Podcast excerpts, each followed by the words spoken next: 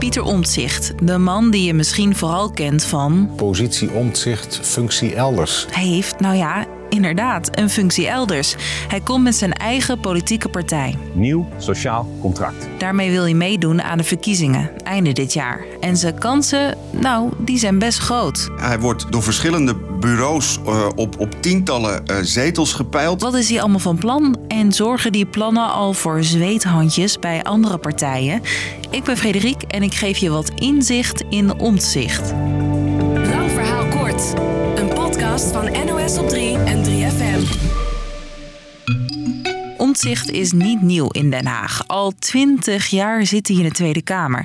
In het begin hield hij zich vooral bezig met taaie onderwerpen, zoals pensioenen. Dan uh, gaan we luisteren naar de heer Omtzigt. In 2012 komt het CDA in de oppositie terecht. Dat geeft Omtzigt ruimte om kritische vragen te stellen aan iedereen waarvan hij het vermoeden heeft dat hij jokt of informatie bewust achterhoudt. Dan kom ik nog met een tweede probleem voor u. En dat is artikel 68 van de Grondwet. En dat levert hem een grote achterban op. Ik ben een uh, fan van meneer Omzicht. Hij stort zich ook op pittige dossiers, zoals de toeslagenaffaire. Ik ben witheet. Samen met Renske Leijten van de SP. Wat hier gebeurde bij de Belastingdienst was eigenlijk het grootste discriminatieschandaal. Dan doet hij in 2020 een gooi naar de partijleiderschap van het CDA. Hij verliest net van... Hugo de Jonge! Wat volgt is een kleine soap. De jongen wil toch geen partijleider worden. Omtzigt hoopt op de functie, maar uiteindelijk gaat hij naar Wopke Hoekstra. Dank jullie wel, dank jullie wel. De naam Omtzigt krijgt in 2021 nog meer bekendheid als er toevallig positie omzichtfunctie elders op een pak aantekening wordt gefotografeerd tijdens de kabinetsformatie. Slaat in als een bom. Heeft u überhaupt over de heer Omtzigt gepraat in die gesprekken? Nee. Premier Rutte zegt dat hij er niks meer van kan herinneren. Omtzigt verlaat het CDA en besluit als onafhankelijk Kamerlid in de Tweede Kamer te blijven. Vanaf vandaag zetten we de eerste stappen op weg naar een mooier Nederland. En nu komt hij dus met zijn eigen partij. Nieuw Sociaal Contract. En daarvoor heeft hij allemaal ambitieuze plannen. Politiek verslaggever Wilco Boom heeft al even door die plannen gebladerd. Hij focust op twee uh, pittige onderwerpen: de bestuurscultuur en de bestaanszekerheid. Zo wil Omtzigt dat er een manier komt om alle beslissingen die door de Kamer genomen worden te laten checken. Hij wil daarom ook dat er een grondwettelijk hof komt, een rechtbank die uh, uh, wetten aan de grondwet kan toetsen. Ook wil hij een anarchiestelsel. Waardoor je rechtstreeks je eigen volksvertegenwoordigers in je provincie kiest. En welke plannen heeft hij nog meer, Wilco?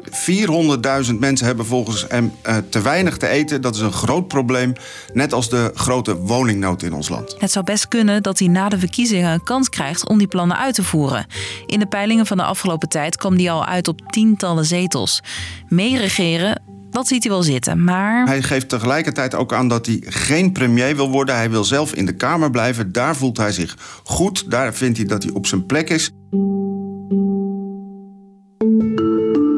Al die nieuwe plannen zorgen voor zweethandjes bij andere partijen. Zo krijgt Caroline van der Plas... Wat een avond! Met haar partij de Boer-Burgerbeweging een flinke concurrent erbij voor de verkiezingen in november. Hetzelfde geldt voor Wilders en de PVV. Niet gek, denkt politiek verslaggever Wilco. Van der Plas en ook Wilders richten zich op ontevreden kiezers en dat doet Omtzigt ook. En er zijn nog meer partijen die de hete adem van Omtzigt in hun nek voelen. Tegelijkertijd zouden ook CDA, SP, Ja21 er last van kunnen krijgen en ook de VVD en de combinatie van PvdA en GroenLinks. Met de belofte om de politiek in Den Haag te veranderen en de armoede aan te pakken, spreekt hij veel verschillende kiezers aan. Maar, heeft Omtzigt gezegd, hij wil rustig groeien.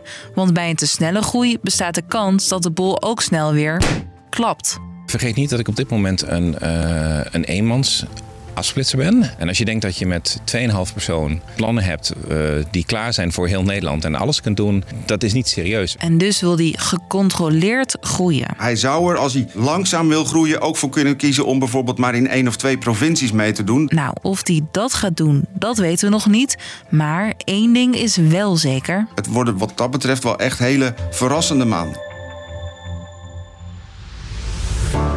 Dus Lang verhaal kort. Pieter Omtzigt komt met een nieuwe eigen politieke partij, Nieuw Sociaal Contract.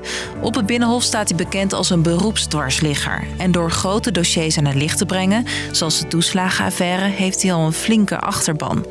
De nieuwe plannen van Omtzigt zijn spannend voor andere partijen. Met de verkiezingen in het zicht hebben zij er een nieuwe concurrent bij. Was er voor nu? Morgen hebben we weer een nieuwe podcast. Hopelijk ben je dan ook weer van de partij. Doei!